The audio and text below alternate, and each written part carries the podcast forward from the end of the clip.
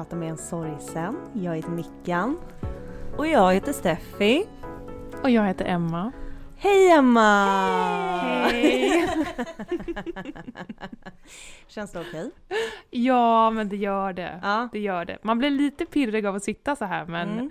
jag vänjer mig nog. Ja, det tror jag Mm. också. Är det första gången du sitter framför en poddmick? Ja, det är det. Ja. Och jag sa det, att det är så ovanligt för att man är så van att prata liksom med hela kroppen och nu ska man fokusera mer på vad man säger och inte använda kroppsspråk. så att, ja, men man vänjer sig. Men det där är, det är jättesvårt. Alltså det har ju vi gjort också flera gånger när vi har spelat in. Sen kanske vi har klippt bort det. Mm. Men att man sitter och så visar med händerna typ så här, så här mycket och sen så bara, men det kommer ju ingen som lyssnar ens eh, se. Eller man fattar ju inte för att det är ju sånt man gör. Men det, ja, det är ett, eh, ett speciellt format när man inte när man inte har gjort det förut. Mm, verkligen.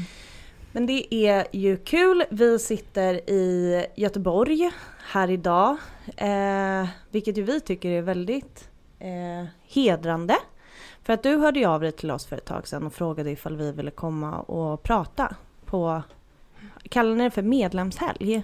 Vi kallar det för syskonhelgen. Syskonhelgen. Utvecklingshelg så kallar vi det. I föreningen så säger vi utvecklingshelg, för då inkluderar det även föräldrarna. Mm. Men vi syskon brukar säga syskonhelg, för att det är en helg för oss syskon, där vi får, äntligen får en helg för oss själva, så att Ja. säga.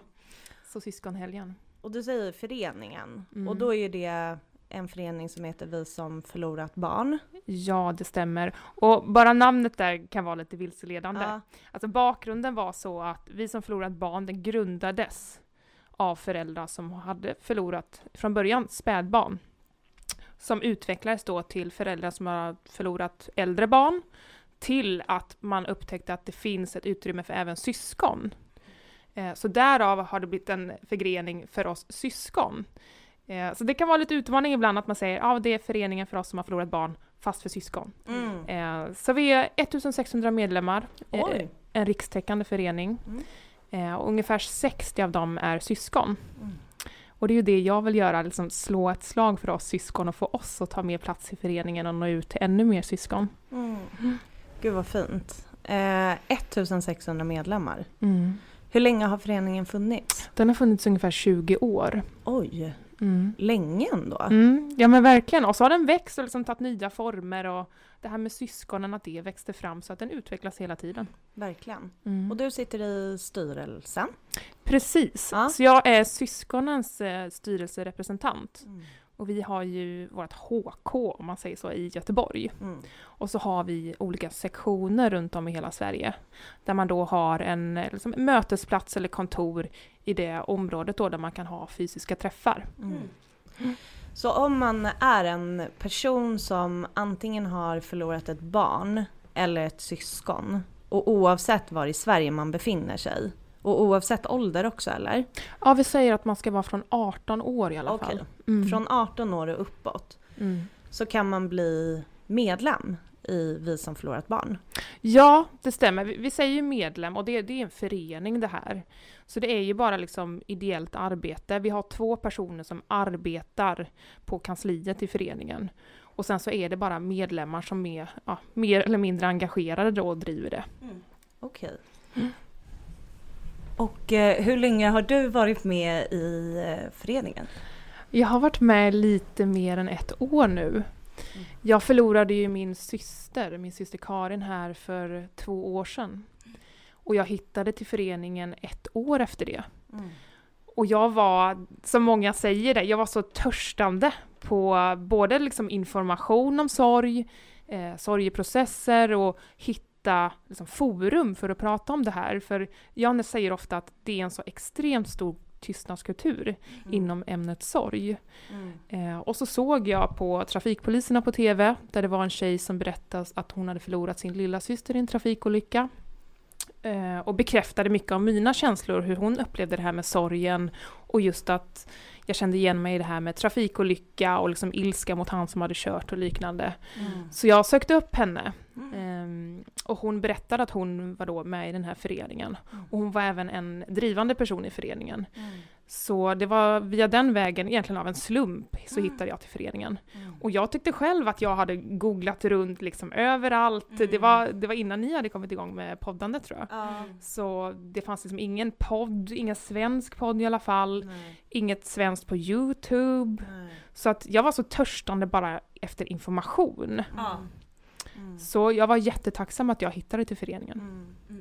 Och när du hittade eh, till föreningen, vi, vi, eh, jag sa ju från början att vi först skulle prata om din personliga erfarenhet men nu började vi visst prata om föreningen först. Så det, men det spelar ju egentligen ingen roll så. Eh, men vi ska ju prata mer om din personliga erfarenhet eh, sen. Men jag tänker så här, eh, du hittade föreningen och vad var det du fick genom att bli medlem? Liksom? Du pratade lite om så här sammanhang och forum och Mm. eh, bryta tystnadskultur. Men vad liksom konkret, alltså vad, vad gör ni? Eller så här, vad kan man förvänta sig som medlem? Liksom? Nej men det är egentligen det man själv tycker passar ens egna sorgeprocess. Alltså man kan ju allting, det finns ju liksom olika nivåer av vad, vad man vill vara med och göra men allt från, vi har ju digitala träffar, vissa bor inte runt en stor stad, då passar det att man är med digitalt och det är även det vi har gjort mycket under pandemin. I de större städerna, alltså Göteborg, Örebro, Stockholm, eh, så har vi bland annat ja, fysiska möten då när man träffas i lokal. Eh, vi har som den här helgen som vi har haft här nu, eh, haft en jättehärlig helg där vi träffats en eh, nästan 30 syskon och haft en eh, tre dagars helg med föreläsningar och workshops. Mm. Ehm, och så har man vissa kanske bara vill ha stöd genom att ha någon att skriva med, Mm. som vi kallar stödperson. Mm. Vi har en Facebookgrupp, en stängd Facebookgrupp, där man kan, många bara skriver av sig, lägger upp en bild på sitt syskon och liksom frågar en öppen fråga, hur tänker ni med det här? Och jag upplever det här, känner någon igen sig? Så det finns liksom alla nivåer av liksom stöd och hjälp, vad som passar en själv. Mm. Och vissa börjar ju så att de bara är med i Facebookgruppen, till att gå på liksom digitala träffar, till att gå på fysiska träffar, till att när det har gått några år även bli stödperson Mm.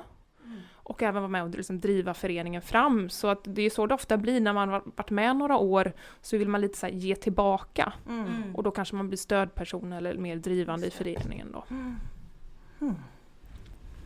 Wow, alltså det, det här är egentligen ett så otroligt sammanhang som man ju önskar att fler kände till. Det är ju, alltså, som vi har ju pratat om förut att vi har eh, varit i en del sammanhang med Ung Cancer. Och där, har man, där eh, träffar man ju ibland bara närstående, ibland så är det både drabbade och närstående. Eh, och det är ju bra för oss för att det är specifikt om liksom, erfarenheten att förlora någon i cancer. Men det som jag upplevde så fantastiskt när vi idag fick komma in i ert sammanhang, det är att alltså ändå märka det här att vi sitter alla på olika erfarenheter av att ha förlorat ett syskon. Men det finns så många gemensamma nämnare ändå liksom. Att det är någonting det där med, med sorgen som jag också ibland känner att vi borde men jag vet inte, så här, trycka på mer att det är någonting som förenar oss. Alltså, Mm. det känns som att ibland så kan det nästan användas som en ursäkt typ att det är så här, nej men alla ska sörja på sitt sätt och bla bla bla och det ska man ju göra. Men det känns som att det har liksom runnit över till något annat att eh, det liksom bidrar till att man, man typ inte gör någonting med sorgen. Eh, inte pratar om det överhuvudtaget för att man tänker att nej men alla gör det på sitt sätt. Men så Mm. egentligen är vi så himla lika som människor Mm. liksom när vi sitter på liknande erfarenheter. Och det var så himla himla starkt att få komma in i det här sammanhanget idag och känna det. Det var Mm. jättefint. Mm. Uppskattar den här föreningen väldigt, väldigt mycket Mm. redan. Mm. Mm. Nej, men det var jättefint att ha med er också. Vi, vi pratar ju mycket om, eller jag brukar säga det att alltså, mo- ofta inom sorg och föreläsning så kan det bli lite stolpigt. Det är någon professor som kanske och pratar. Så därför tyckte jag det var så fantastiskt att ni var där och bara Ja, det är liksom för jävligt med sorg och det är jävligt ont. Och så, så är det, alltså bara rent krasst. Så här är det, alltså personligt och hjärtligt. Mm. Eh, Så jag tycker det var jättefint. Mm. Och det var så otroligt att se den här helgen. Det var ju många som kom i fredags av Mm. syskonen, de kom från hela landet. Och i början var ju folk väldigt nervösa, det var första gången de träffades. Det var en stor anspänning för dem. Många var nervösa över att kanske för första gången berätta vad som hänt, berätta Ja. om sitt syskon, även om det kanske gått nästan åtta år för vissa och ännu mer. Till att eh, det första vi gjorde var att alla fick presentera sig och berätta om sitt syskon. Och där fick man liksom berätta allt från bara att, vad man heter och vad en syskon hette på liksom 10 sekunder till att få prata hur länge som helst. Och så tidigt där får se att man bara drar av ett plåster Mm. och folk bara liksom lägger fram sitt hjärta och visar sitt hjärta för alla och se där hur liksom, det var ju många som liksom var ledsna och visade känslor men det är så fint att där blir man förenade och det var så fint att, att se den utvecklingen för det, Mm. man blev så otroligt tajt under den här helgen. Mm. Och som du säger att sorgen är olika för alla men det var så många saker, alltså nästan allt var så likt det som Ja. alla tyckte, kände, hade upplevt. Mm. För vi, vi är ju människor, de, de flesta sitter ju liksom djupt i. Ja. Som, Ja. Och jag tyckte man märkte det så mycket också. Nu kom ju vi liksom sista dagen här när ni Mm. har hållit på en helg. Men eh, man märkte verkligen att det var så fin stämning bland alla och det var också, man kände att de hade fått ut väldigt mycket av helgen. Och du vet, ja men som sagt vi vet ju det själva när vi också har varit i sådana sammanhang hur värdefullt det verkligen är. Och ja, men det, var väldigt, det var väldigt fint att se. Men så här en sista grej om eh, att vara medlem, kostar det pengar? Det kostar 200 kronor för å, eh, per år. Ja. Eh, men då, då ingår liksom alla aktiviteter som den här helgen. Då fick personer komma från hela Sverige och bo Mm. på hotellet här och vi betalar resan. Så det är egentligen bara en administrativ summa. Mm.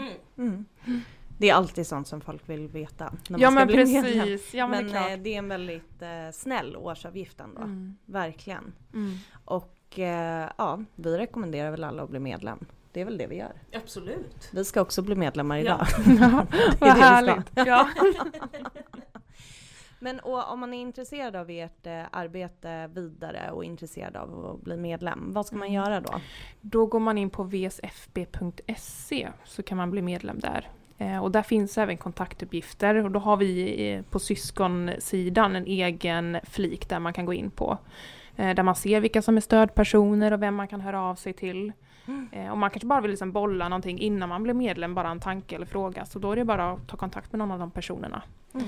Jag såg också att ni hade, jag blev ju medlem i er Facebookgrupp här precis. ja, ja. Och då kunde man ju faktiskt eh, eh, på frågan om man är medlem så kunde man ju skriva i sina kontaktuppgifter om man vill bli kontaktad och få veta mer. ja, Och det är ju superbra. Så Ja. det kan man ju göra. precis. Till exempel. Så det stämmer. Så vi har en Facebookgrupp, en stängd grupp. Så där kan man börja bli medlem också.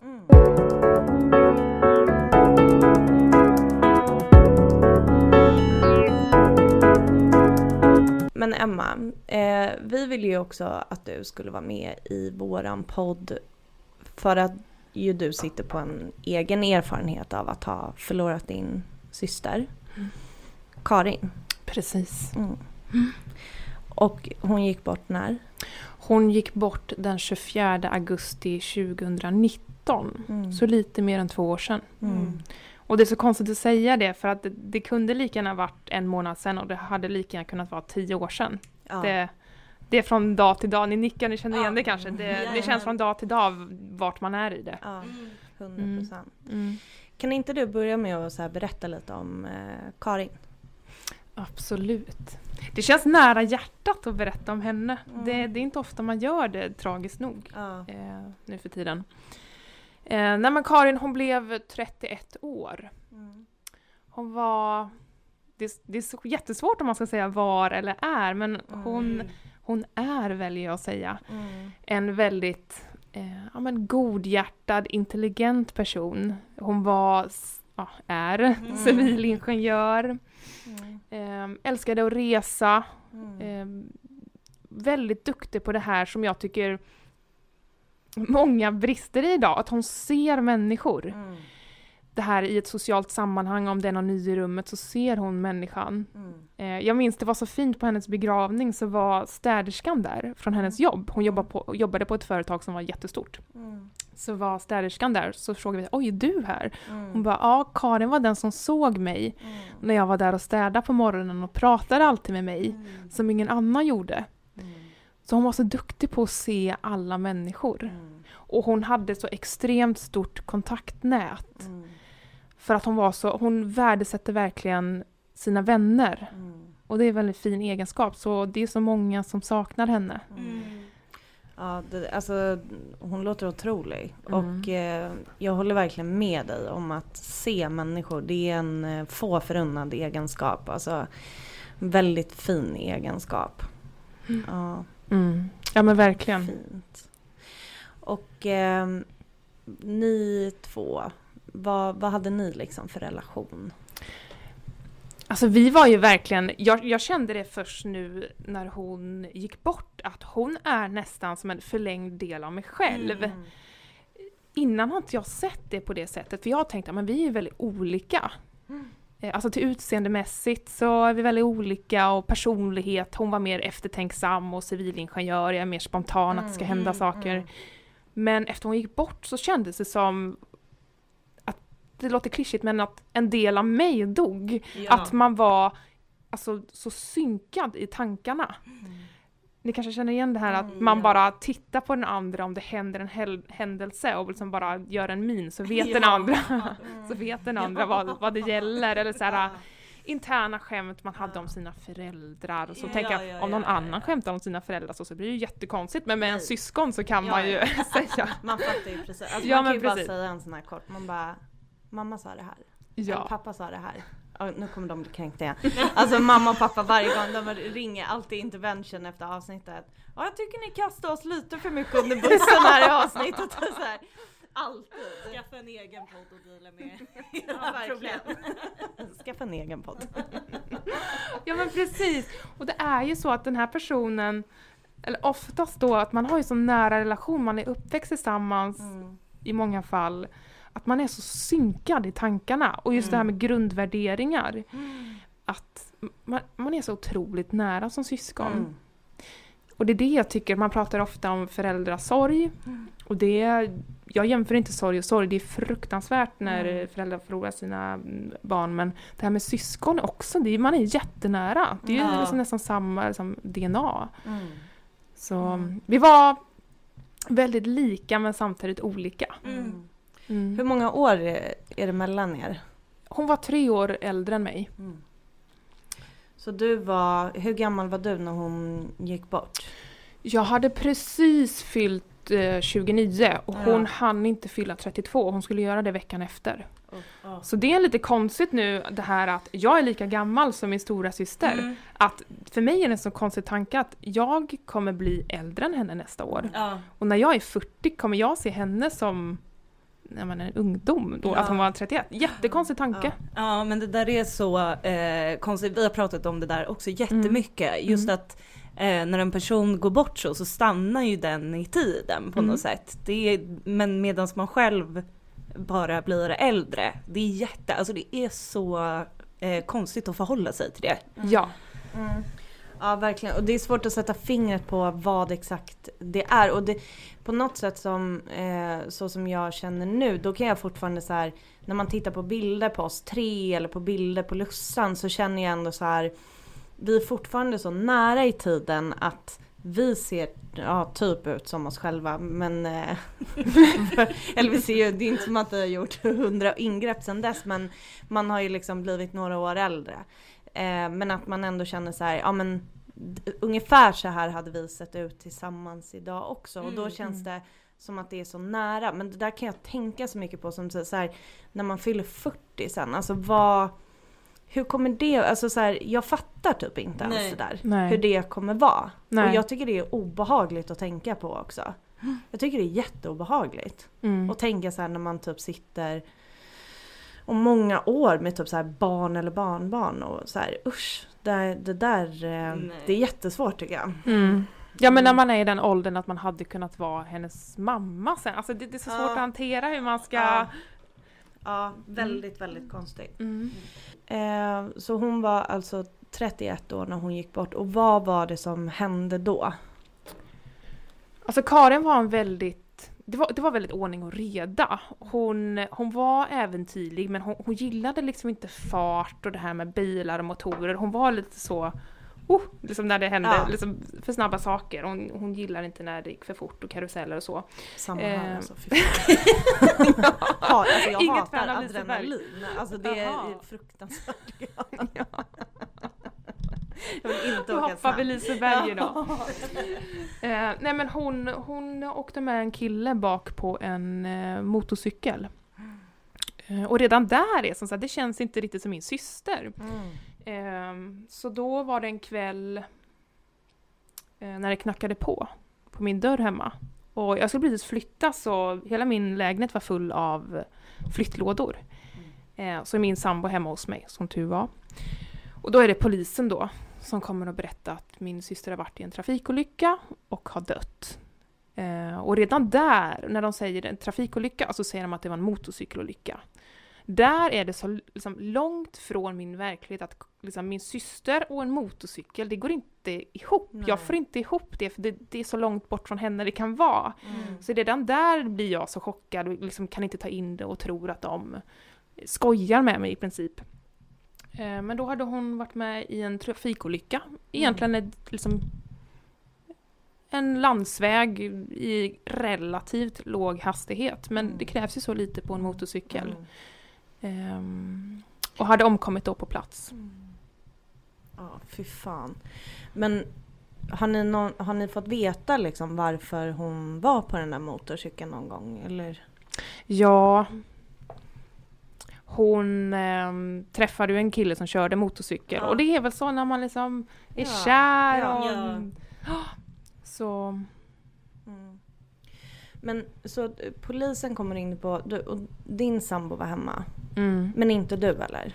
Jo, jag var också hemma. Ja okej. Ehm, som tur var, jag bodde egentligen själv då men vi Mm. flyttade ihop Mm. några veckor innan. Så eh, det är jag jättetacksam för att han var där. Och mina föräldrar var bortresta. Så de hade sökt mina föräldrar men de fick inte tag i dem. Så då fick jag ta emot det här av min sambo då.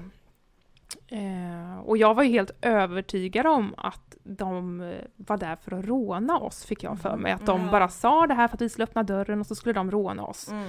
Och så minns jag att jag tittade på min sambo. Lite som, jag, var, jag var nog, såg nog väldigt rädd ut, så tittade jag på han. Lite, jag tittade bara på honom för att få bekräftelse, vad är det som händer? Och så minns jag så hans blick när han tittade tillbaka på mig. Mm. Att han sa inget, men han tittade och nickade. Lite som så här, det är på riktigt. Mm. Eh, och då fick jag ringa mina föräldrar då och berätta vad som hade hänt. Okej, så du fick berätta för dina föräldrar.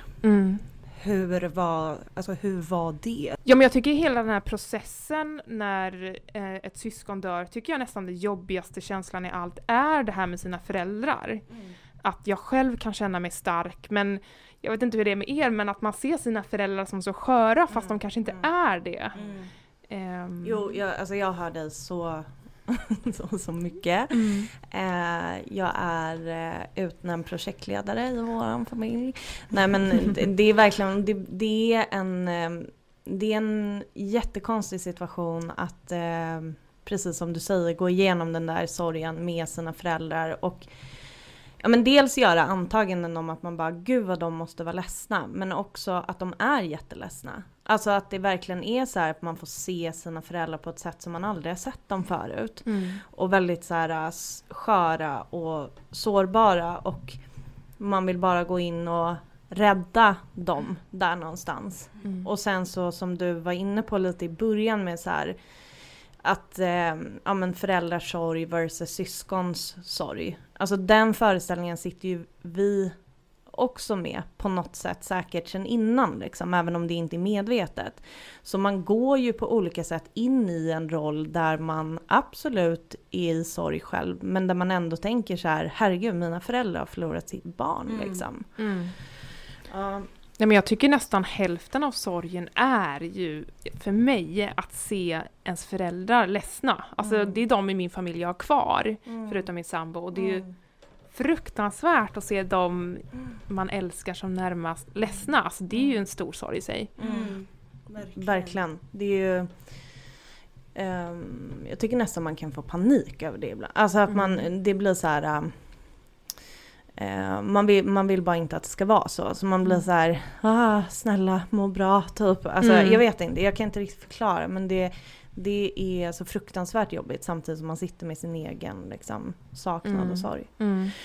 Men eh, okej, så och sen så fick dina föräldrar veta det här och eh, vad, vad hände med dig sen om du tänker tillbaka på den här första tiden efter du hade förlorat Karin? Alltså den första tiden, jag tycker det är så otroligt sjukt att tänka tillbaka på det. Mm. Eh, jag vet ju att du pratade om på föreläsningen det här att du gick tillbaka snabbt till arbetet. Mm, Och jag var exakt likadan. mm, Och jag brukar säga det att så här, om en katt dör, mm. eller om, en, om man gör slut med någon eller man, man är ledsen över någonting, då, då har jag i alla fall ett ehm, referens, Ja. referensram på hur eh, liksom, ledsen, om man säger så, vad som är okej Ja. från andra att vara. Men så kände jag så här, min syster har dött, hur, hur ledsen kan jag vara? Vad är liksom acceptabelt att vara? Att liksom komma med det här paketet till mig att hon är död, hur, hur ska jag hantera det? Jag har ingen erfarenhet av det här. Jag har ingen erfarenhet av döden alls. Så, och jag visste inte alls hur jag skulle ta det här eller hur liksom, omgivningen skulle ta det. Så jag gick och arbetade nästan direkt också. Mm. För jag tänkte att men jag måste ju fortsätta att prestera. Jag Ja. måste fortsätta jobba. Om inte jag går till jobbet, då förlorar jag jobbet. Då har jag inte ett jobb heller. Då har jag inget syskon och inget jobb. Mm. Så jag gick tillbaka alltså, i ren chock Mm. med en gång i princip. Mm. Jag tror det var en två veckor bara för Mm. vi var liksom, tvungna att fixa, fixa Mm. det, allt man behöver fixa Ja, vid en begravning och precis. när någon har dött. Mm. Och jag minns det, det är en sån sjuk tanke. Mm. Som ni berättade på föreläsningen att ni hade varit på en 30-årsfest ganska snart Ja. efter. Jag satt på after work på mitt jobb. Alltså jag tror det kan ha varit tre veckor efter Ja, hon dog. Och så satt jag där och minglade med ett glas vin i bara chock. Ja. Ja. Och, jag, och så sa min sambo så här, men ska du inte vara hemma och så här, du behöver inte jobba. Jag var så här, nej men jag måste jobba, det är ju jättekonstigt. De tycker jag överdriver kanske om jag Mm. inte går till jobbet. Mm. Och nu i efterhand bara, men herregud. Ja. Ja men att man gjorde alla de där sakerna. Alltså, nej men det är ju det är som du säger, det är helt sjukt att tänka Mm. tillbaka på. Ja. Mm. Och, ja, fortsätt prata du. Nej men jag tänkte säga det att vi pratar ju så lite om sorg i samhället och det här med psykisk ohälsa. Nu har man börjat prata mer om psykisk ohälsa. Mm. Men när någon dör och man är i sorg, allting fortsätter ju. Mm. Så här, du måste betala hyran. Du Mm. måste liksom gå till jobbet för att få pengar till hyran. Det, ju- som jag upplevde, jag kunde inte pausa. Nu, Mm. nu hade jag säkert kunnat göra det, men jag, jag hade inte liksom verktygen eller kunskapen om hur jag skulle göra det. Och att det skulle lösa sig. Jag blev jättestressad och jag pluggade just då vid sidan av. Mm. Så jag var ju tvungen att liksom göra mina tentor och gå till skolan. Och, Mm. och jag var så rädd att förlora kontrollen över de andra delarna av mitt liv som var liksom få in pengar till hyran och eh, min examen. Mm. Mm. Gud vad jag eh, förstår det. Eh, men det, ja och lite som du är inne på också att så här, ja det finns ju alternativ så att man ändå ska kunna klara sig liksom. Men hur ska man få reda på dem? Mm. Alltså det, det är så här, vem, vem plockar upp en när man är i den här situationen om man inte gör det själv? Mm. Det är ju liksom, det är ett problem tycker jag. Mm. Att, ja jag vet inte, det, det är som att så här, det en, de enda som plockade upp oss, det var ju så här att, ehm, ja men för när Lussan gick bort, då var ju alla vi i Göteborg, för att det var ju här hon bodde. Och sen så var vi kvar i Göteborg i typ fyra dagar efter det, innan vi åkte tillbaka till Stockholm. Och när mamma och pappa kom hem till sin lägenhet, då hade de liksom fått reklamblad efter reklamblad från olika begravningsbyråer som bara Mm. hej, vi rekommenderar oss typ. Mm. Vilket i sig är så jävla, ugh, alltså det är så grovt. Mm. Ja jag vet inte, det kändes så jävla äckligt bara. Men eh, att det, det, så det finns ju uppenbarligen, alltså på något sätt så, så får ju liksom samhället, om man säga, alltså Skatteverket eller whatever, får ju veta att den här personen har gått bort. Det finns ju någonstans. Så om en begravningsbyrå klarar av att skicka ut 100 broschyrer, då måste det ju också finnas alltså instanser som på något sätt kan tillkännage sig att så här, vi finns, Ja. Mm. du är i sorg, ta en paus, vi kan hjälpa dig med det här. Mm. Alltså varför finns inte det? Mm. Eller så här, varför in, alltså Jag håller med, jag håller med. Och det är det här som jag har reagerat så starkt på också. exakt det här att jag fick den här, om man säger så, bajsmackan. Och så här, "Va- vad ska jag göra med det här? Jag kan inte, jag vet inte.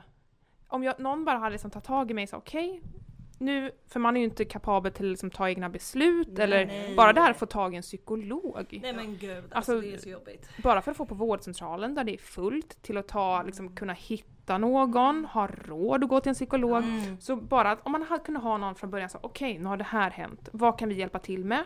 Den här föreningen finns. Den här psykologen finns. Mm. Eh, så här kan du göra med Försäkringskassan för att bli sjukskriven. Mm. Bara man fick hjälp där i början. Mm. Jag brukar säga det att jag hade en trygg familj som kunde hjälpa mig, alltså de, de som fanns kvar i familjen Mm. och min sambo. Men tänk de människorna som sitter där och inte har dem. Mm. Alltså det skrämmer mig. Ja. Eh, Så det är ju någonting vi jobbar med i föreningen också. Hur kan vi nå ut till personer i ett tidigt skede för att Ja. fånga upp dem? Alltså redan där på begravningsbyrån eller Mm. liksom instanser i form av Mm. polis eller sjukhus. Att Mm. redan där fånga upp personer. Men liksom, vad finns det, fin, finns det något stöd? För jag tänker att eh, din syster gick ju liksom bort i en olycka. Så det här, här ändrades ju ditt liv liksom från en sekund till en annan. Det är ju en enorm chock. Erbjöds du någonsin, alltså något stöd någon gång från någon instans? Jag minns att när polisen var och berättade detta så fick jag ett papper Mhm. där det stod att ja, men vi har lämnat ett dödsbud till dig idag. Eh, och ring detta numret om du vill ha stöd. Mm. Jag har för mig att det stod så på lappen. Eh, men efter det, nej. Nej. Då, då vet jag inte någon som har sträckt ut handen. Men jag måste säga polisen, Göteborg, alltså helt otroliga. Mm. All cred till dem. Ja. De var bra på, eller så här, Ja. de, Ja men verkligen utredarna tog sig tid och verkligen som så här, såg en som människa och kramade en. Så de var helt otroliga. Men det var lite efter det som jag sa förut när begravningsbyrån försvann, när polisen försvann, när allt bara blev tyst. Ja. Det är då. Och vad hände med dig då? För att då har du haft liksom, hur långt efter att din syster gick bort hade ni en begravning för henne? Vi Ungefär. hade den ungefär en månad efter. Ja. Men där var jag, där var jag fortfarande i chock. Ja. Alltså jag trodde nog att jag var där och liksom så här, men jag har koll på läget. Men när jag tänker tillbaka, jag stod där och så här, hej vad kul Ja. att träffa er Ja, hennes kompisar. ja. Och de, jag minns att de tittade på mig och tänkte, är du helt galen? Ja. Så jag var nog i chock. Ja, Det var länge. Ja, ja, ja, ja. Alltså jag tror att eh, alltså man var i chock i typ ett år. Ja. Eller så här, Håller med. länge, länge, länge, länge. Ja. Alltså det... Ja. Nej men att det, det för det, det var ju någonting som vi har pratat mycket om, att man tänkte typ så här att ja men det är ju en vecka man är i chock, sen börjar de här nästa stadierna. Det är så här Mm. det enda Ja. man någonsin har lärt sig om sorg, att det, nu kommer det komma olika stadier typ. Mm. Eh, men det är ingen som har berättat att den här chocken pågår så jävla länge. Mm. Den Precis. där man går runt i någon dimma och bara, jag vet inte ens vad som har hänt. Ja. Nej. Jag fattar inte det. Mm. För att om man inte var i chock, alltså du hade inte kunnat sitta på en AV. Nej. Vi hade inte kunnat vara på en 30-års... Alltså Nej. alla de där grejerna. Du gör inte det om du har gått in i, ja men andra faser eller vad man ska säga. Mm. Där man kanske blir mer så energilös och eh, ja, när man förstår. Mm. När man förstår så blev det i alla fall för mig väldigt mörkt liksom. Mm. Allting. Mm. Mm. Ja, jag känner igen mig i det. Mm.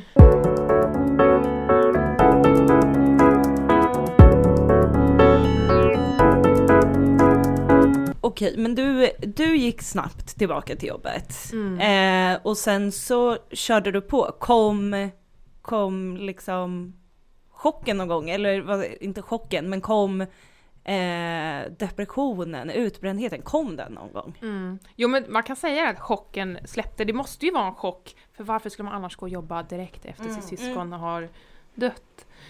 Ja men jag gjorde så, jag visste inte att det var okej att vara hemma när ett syskon hade dött. Jag trodde inte det var accepterat. Så jag tog ju examen och började liksom på ett nytt jobb och arbetade inom sälj. Där man ska vara väldigt Ja. glad och tjo och tjim och där kan inte jag sitta och vara ledsen på en ny arbetsplats. Så jag började få, och jag, jag sov ju inte som är ganska vanligt Nej. på ungefär ett år. Så, och jag började få massa kroppsliga konstiga symptom. Jag, jag tappade håret. Ja, det Eh, gjorde jag också.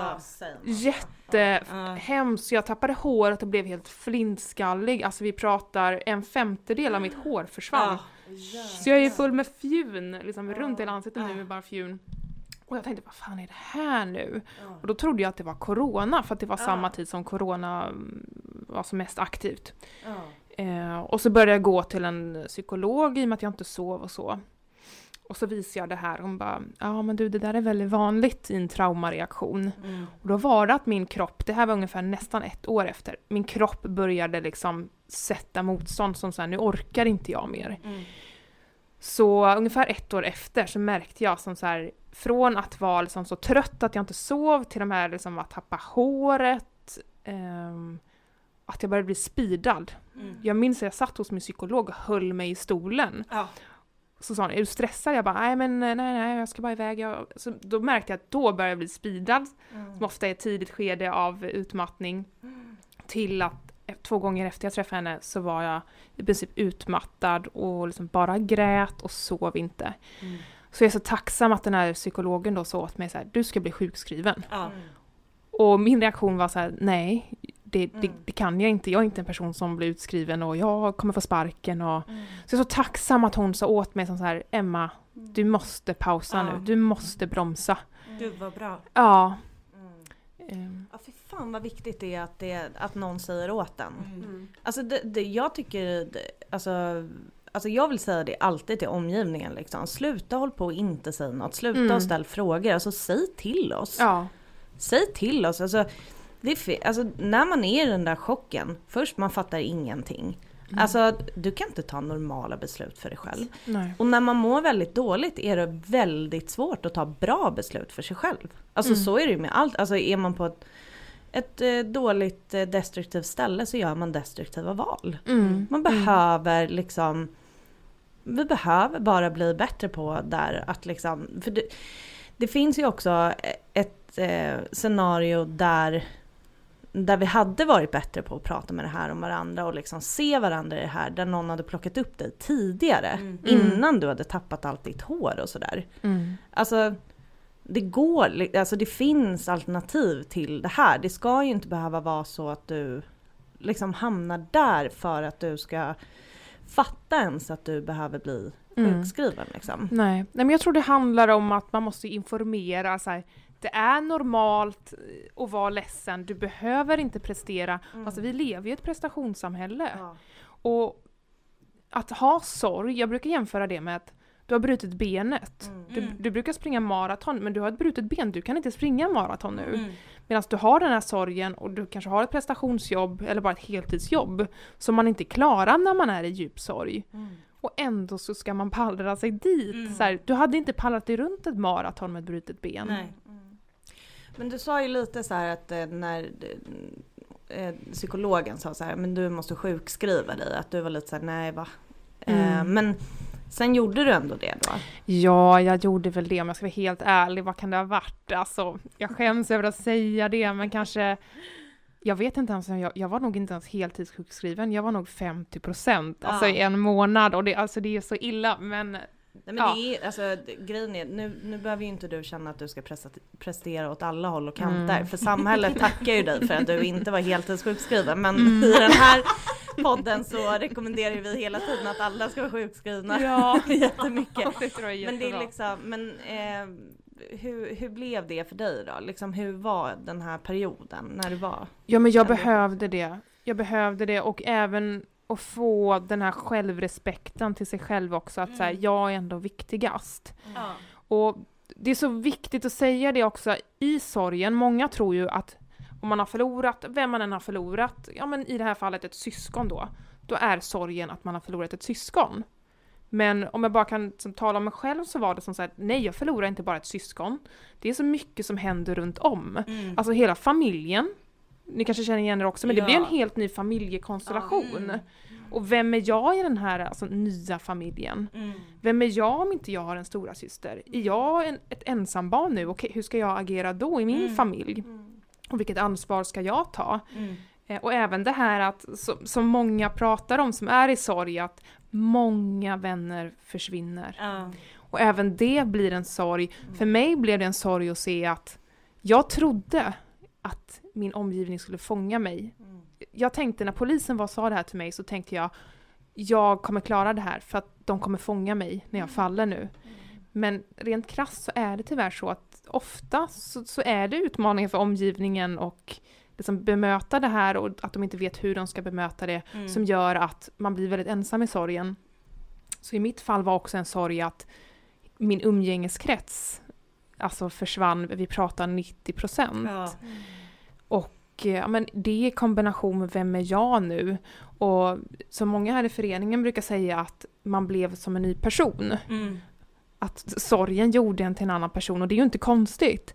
Men att den här personen som jag lärde känna, min nya person, den tyckte inte jag var så himla charmig och liksom pigg och glad och nice. Som jag kände att men jag gillar inte den här nya personen. Och även det blir en sorg, att Mm. jag har förlorat mig själv. Alltså pigga, glada, sociala Emma. Mm.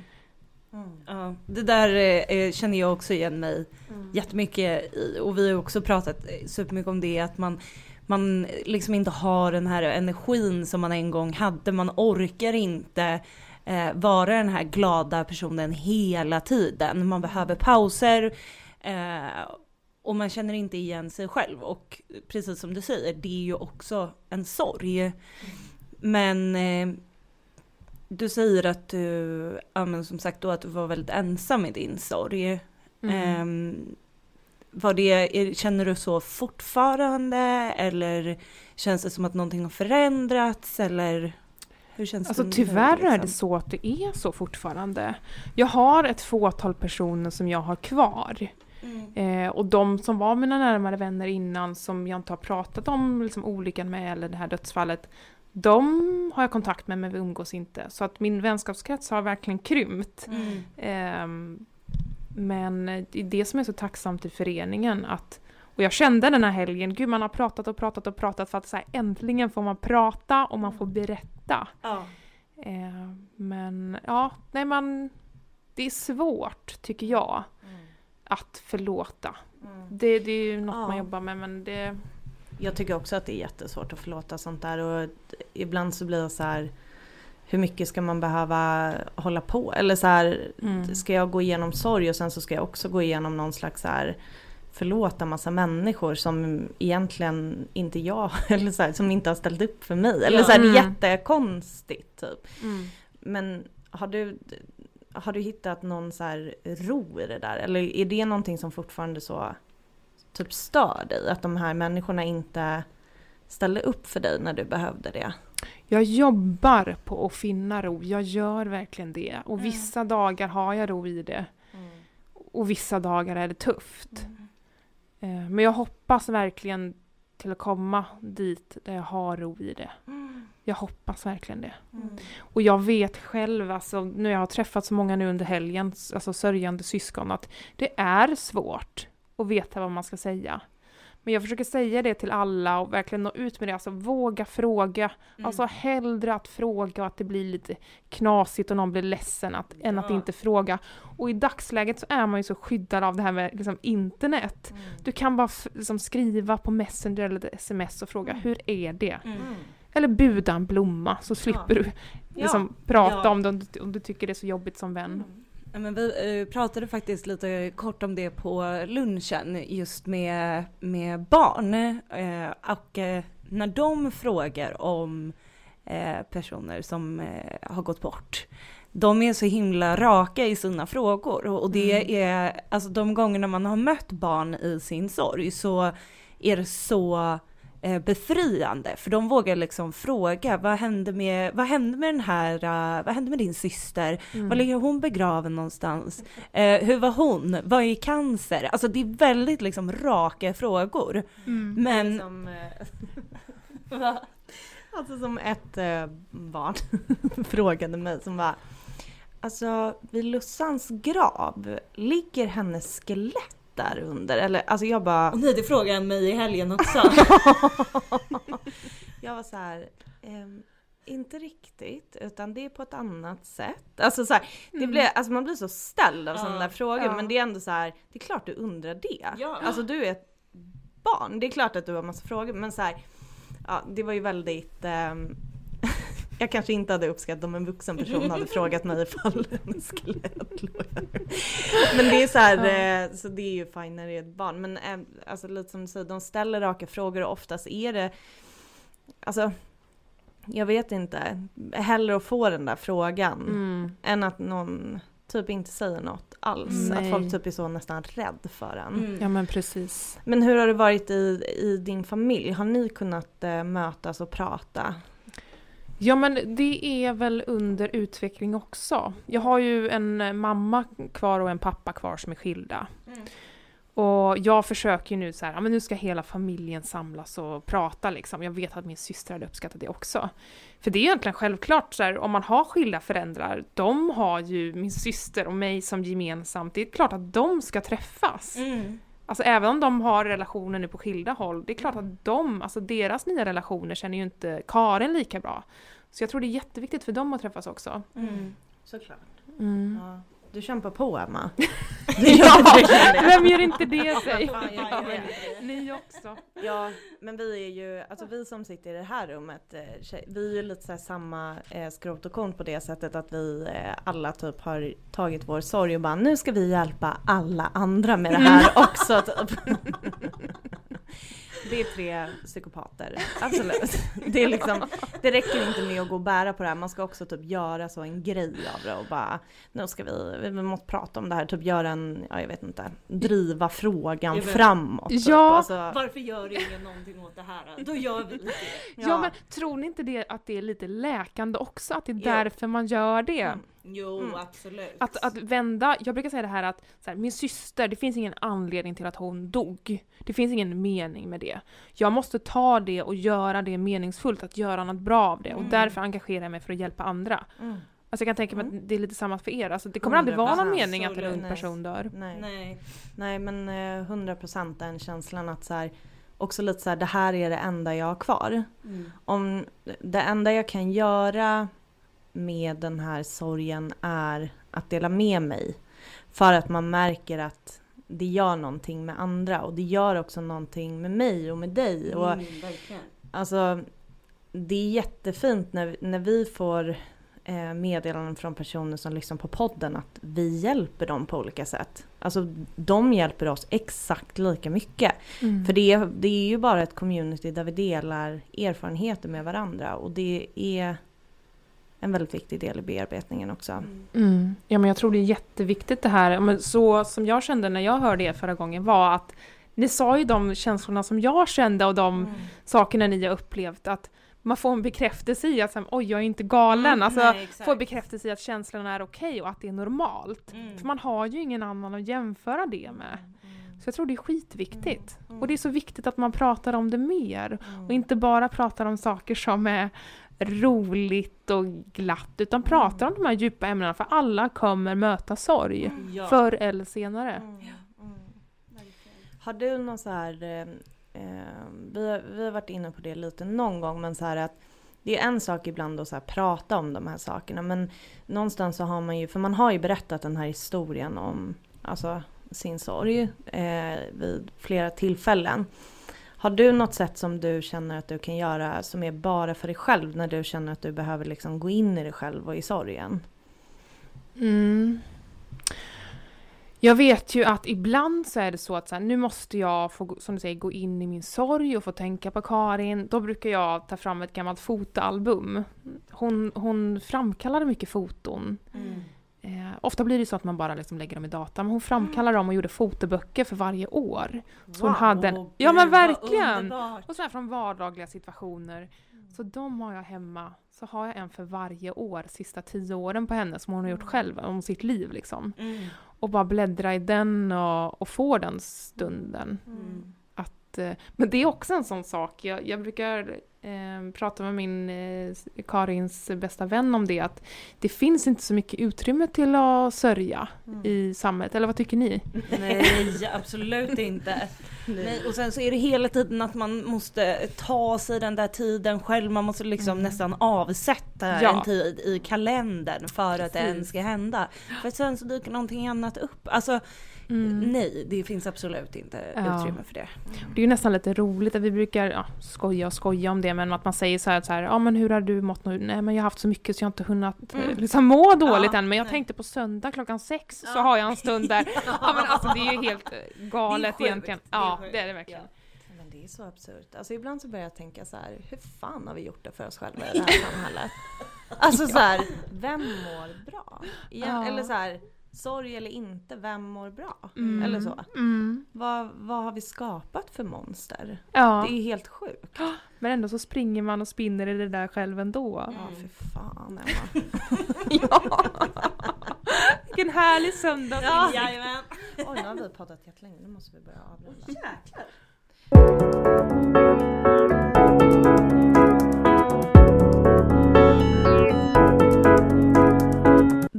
På Instagram, där heter vi Vem vill prata med en sorgsen? Emma, vill du säga din Instagram? Eh, ja, jag heter EHLD. Ja. Så det, dig kan man ju också följa. Och sen så Absolut. har ju VSFB en Instagram också. Vi syskon har faktiskt inte en än. Nej okej, Men, fan det är eh, den jag har taggat hela tiden. VSFB, bara tack för att vi fick komma typ. Det är någon som är himla tacksam där ute va? "All right." Vad är det? Vad är det jag har taggat då? Det är nog föräldrarnas Instagram. Ja, okej, Mm. ja, ja. Shoutout till föräldrarna. ja. Men det är ju sånt vi jobbar på, så snart så har vi det. Ja. Men ni har Mm. Facebookgruppen? Ja. Vi den som heter? förlorat barn, syskongruppen. Mm. Ja. Man, kan bara, man kan bara söka på VSFB på Facebook så kommer den upp. Precis. Gud, så bli vad bra. medlemmar där. Och sen så har ju vi en mail som heter vem vill prata med en sorgsen at gmail.com. Har, ni, har du en mail? Eller liksom Ja, föreningen? vi, eller vi har rikstäckande mail som jag sitter på och då är det syskon vsfb.se som man kan skriva till. Bra. Ja, men det är väl det. Vi har ju en grej kvar Steffi. Ja. Och vad är det? Och vad är det Mikael kan du undra? Nej, men idag skålar vi för Lussan men också såklart för Karin. Ja. Skål för Lussan och Karin. Skål för Lussan och Karin!